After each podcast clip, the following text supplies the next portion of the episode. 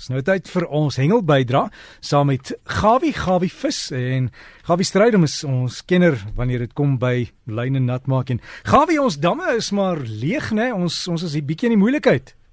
Ja, ons is baie in die moeilikheid Derek en dit snaaks dat almal tog so oproep om maak en sê bespaar maar niemand wil nie maar eerstens goeiemôre aan almal en welkom en ons hoop ons kan 'n positiewe bydrae lewer.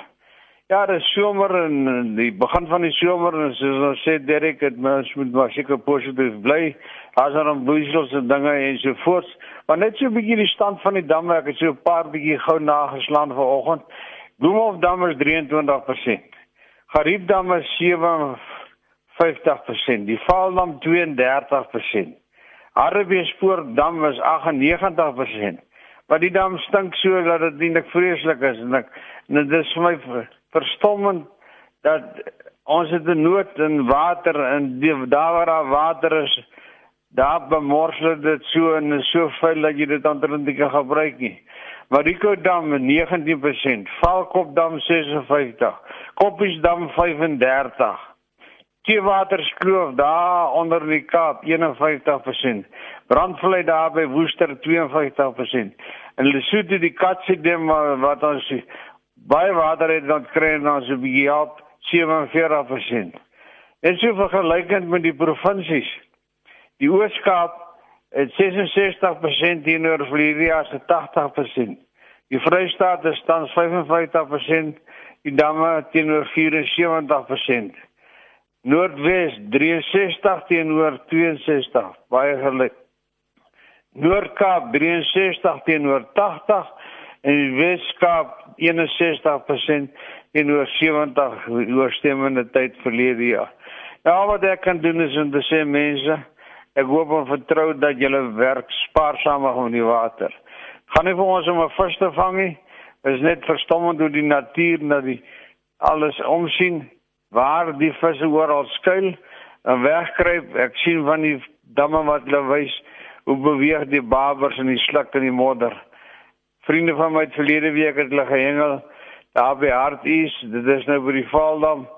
Nou verlede jaar hierdie tyd het hulle kilometer nader aan die oewer gehengel. Daar waar hulle nou gehengel het, is net so 'n strokie water. En as jy as 'n sinker gooi, sak hy in die modder weg.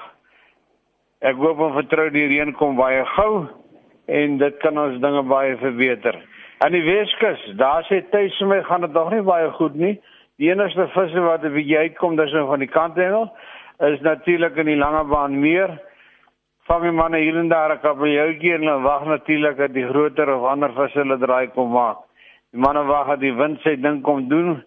Daar wag hulle natuurlik vir die suidewind, suid suid suidoos en dit maak dat die hengel baie verbeter die Suid-Kaap sê en die klein vir my dis nou daar in George omgewing dat hy self het 'n bietjie gaan hengel die week wat verby is. Hy sê daar na Kanonse kant toe. Daar het 'n paar Bartman uitgekom, 'n paar kabeljou uitgekom. Hy sê nie die totale omgewing is die vangste wat galjoenam betref maar nog baie swak en die vis is maar baie klein. So daar's nou nie baie nuus van dit nie. En natuurlik vanaf die shed seisoen toe is Dis nou hier in spesifiek aan die Ooskus, dis nou KwaZulu-Natal. Sukkel die manne maar met die vis. Hier en daar kom maar 'n mooi gerrigheid. Nou ja, julle moet nou maar julle asse en julle stroppe ensovoorts aanpas. En dis nie net altyd die groot vis nie. Nou onthou tog as jy die vis vang, probeer om versigtig hanteer en die heel net maar mooi terugsit. Dit bring my sommer by 'n stukkie nuus wat ek gekry het van 'n vriend Flip Barnard.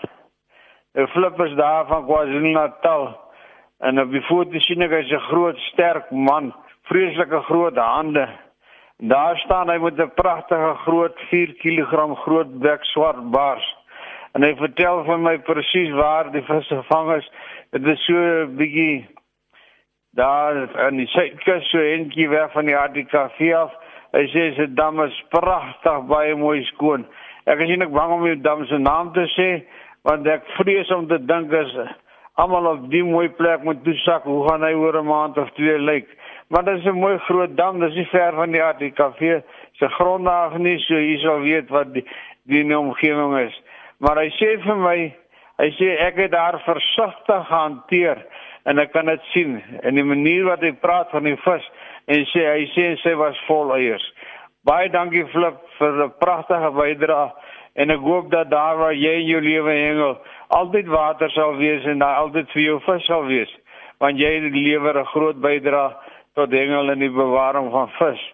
Nou vra Rudy vir my. Hy sê man, waar is daar 'n veilige plek in die omgewing van Gauteng waar hulle kan bietjie hengel? Hy sê by ruste winter is die krokodille nou bietjie lastig.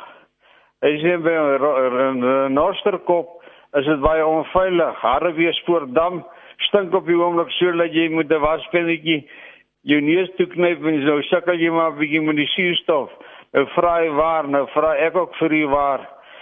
Self die klap sukkel maar om goeie hengelwater te kry, maar ek dink op die oomblik gaan dit nie oor waar jy kan visvang nie, gaan oor waar dit die veiligste moontlike plek is om te hengel. Ek weet werklik nie Rudy. Ek dink dat ons moet vir die manne wat privaat damme wat dit uitvuur en so voort vra om hulle inligting vir my te stuur en ek kan dit bekend maak. Gansbaai, liewe Eddie Bester, wat saam met Albert op die bootjie Kwailap is hengel. Lyk my hulle is die enigste mense wat hierdie week of wat 'n paar visse gekry het. Hy sê hulle gaan met die bootjie uit 'n klompie pensionaarse. Hy sê hulle het kabeljou gekry so tussen 6 en 15 kg en 'n paar mooi geelbekke gekry. Hy sê nou natuurlik nog 'n paar papsnoeke. Dis nou die klein snoekies tot so 2 kg en 'n klompie rooi stomp nie is wel gedaan, Eddie. Pas jy vis mooi op en ek hoop julle hengel baie lekker. Nog 'n Eddie. Maar hierdie is Eddie McDonald. Hy sê dat hulle beplan om daar na die hole in die wall te gaan. Nou Eddie, jy vra vir my baie inligting. Ek wil net vir jou sê die stroppe en die wat jy vir my gestuur het, die lysie van en die fotos is die regte treise wat jy moet gebruik en die tipe vis wat jy kan probeer vang nou dat die shots is en toe is. Definitief kabeljou wat jy sal kry daar. En natuurlik die leervis ek sien op die foto en jy die kuns as dis nou wat ons noem 'n chisel nose sy voorste bek is die, die van 'n buitel en as jy hom trek dan spring spring as jy op die water. Nou dis 'n dodelike as vir leervis jy sal definitief baie sukses met hom behaal. Dan is daar bronsberuim om die hengel. Onthou net klein hoekie een al hoekie en jy sal baie sukses hê. Die aas is maar rooi aas krewels en spesifiek krewels en sandkrewels. Dan streepies chokka, sardyn en natuurlik die fillet van 'n streepie vir 'n kabeljou is lang genoeg genaamd die losie. Maar weer eens die mees belangrikste van die hengel, die transkeikus is natuurlik veiligheid. Nou veiligheid om te seker dat jy weer as een persoon saam op beslag hengel. En natuurlik die terreine waar jy hengel is baie gevaarlik. Moenie op hoë kraanse staan en daarna gooi en 'n vis vang wat jy geen in die lyn kry.